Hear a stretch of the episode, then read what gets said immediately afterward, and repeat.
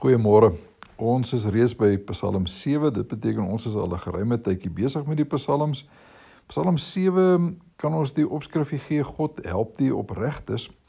Maar dit gaan in hierdie Psalm oor 'n klaaglied wat Dawid sing oor Kus, die Benjaminiet wat die lewe vir hom moeilik gemaak het. En hierdie Kus is nie aan ons bekend nie. Alhoewel ons weet dat Dawid baie teenstand van die Benjaminiete gehad het. Koning Saul was byvoorbeeld uit die stam van Benjamin en hy Dawid konstant vervolg. En dit kom baie ooreen met die algemene strekking in hierdie Psalm. Nou dis baie interessant dat Saul se pa se naam was Kis, maar met 'n doetjie e. En hierdie is nou Kus. Maar dis baie moontlik dat dit alleen dat dit maar net 'n woordspel kan wees wat ehm um, verteen maar dis baie moontlik kom ons sê Nou baie interessant, Saul se pa was natuurlik Kis, doetjie e wat 'n woordspel kan verteenwoordig op Saul se familie sonder om sy naam te noem.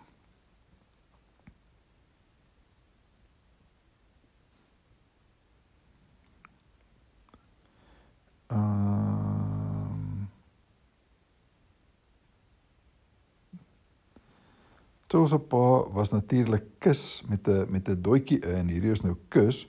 Maar dit kan 'n woordspel verteenwoordig wat op Saul se familie dui sonder dat sy naam genoem word. En dis ook interessant dat die naam kus gegee is aan die land wat ons vandag as Sudan ken. Nou Dawid kom bid hier om uitkoms van 'n onregverdige vervolging. Hy wil hê dat geregtigheid sal seëvier.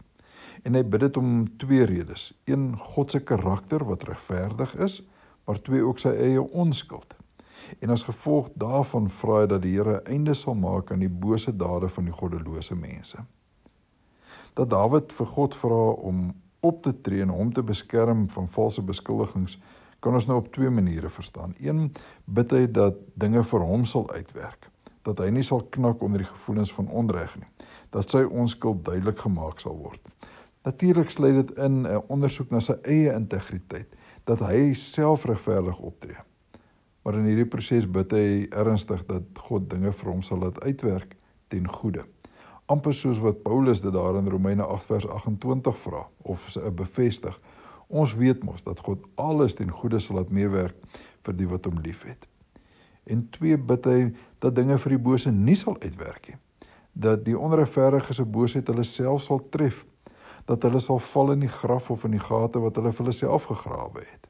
Die hele gedagte van 'n boemerang uh, kom hier na vore.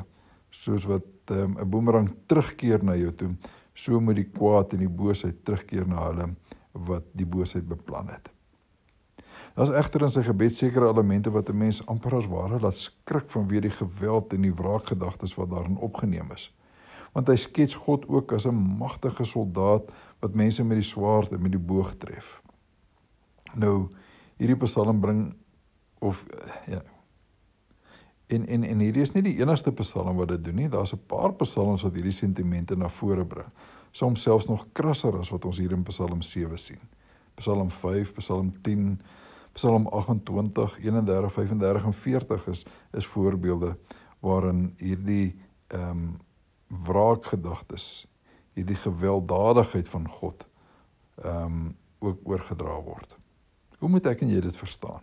Miskien moet ons net drie goed vir mekaar sê. Nommer 1, Dawid vra nie so seer vir persoonlike wraak nie, maar dat God dinge sal regmaak. Dat God dinge sal regstel. Hy is die een aan wie die wraak toekom. 2, die koning van Israel was sterk met God self verbind.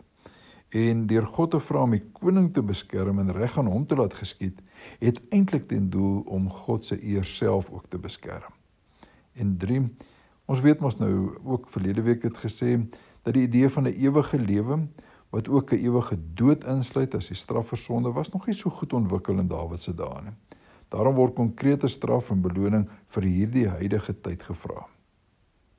Nou natuurlik kan ek en jy vandag nog steeds die beginsels van hierdie Psalm bid dat die Here die regverdige sal help en sal bystaan en sy planne sal laat slaag en dat die goddelose se planne tot nul gemaak sal word en dat hulle nie suksesvol sal wees in die bose wat hulle beplan nie. Trouwens dis mos wat ons eintlik maar bid as ons elke nag die Here se bewaring oor ons lewens afbid terwyl ons slaap.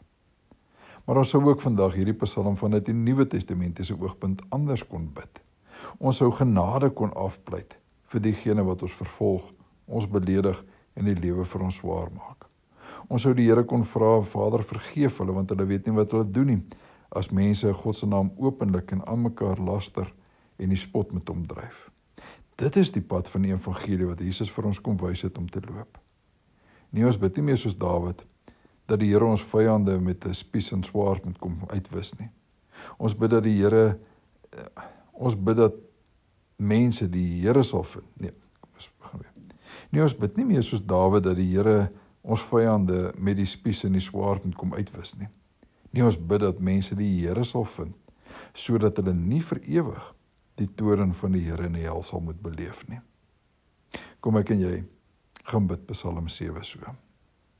Baie vrede vir jou vir hierdie dag en vir die res van die week en groetnis tot ons weer gesels.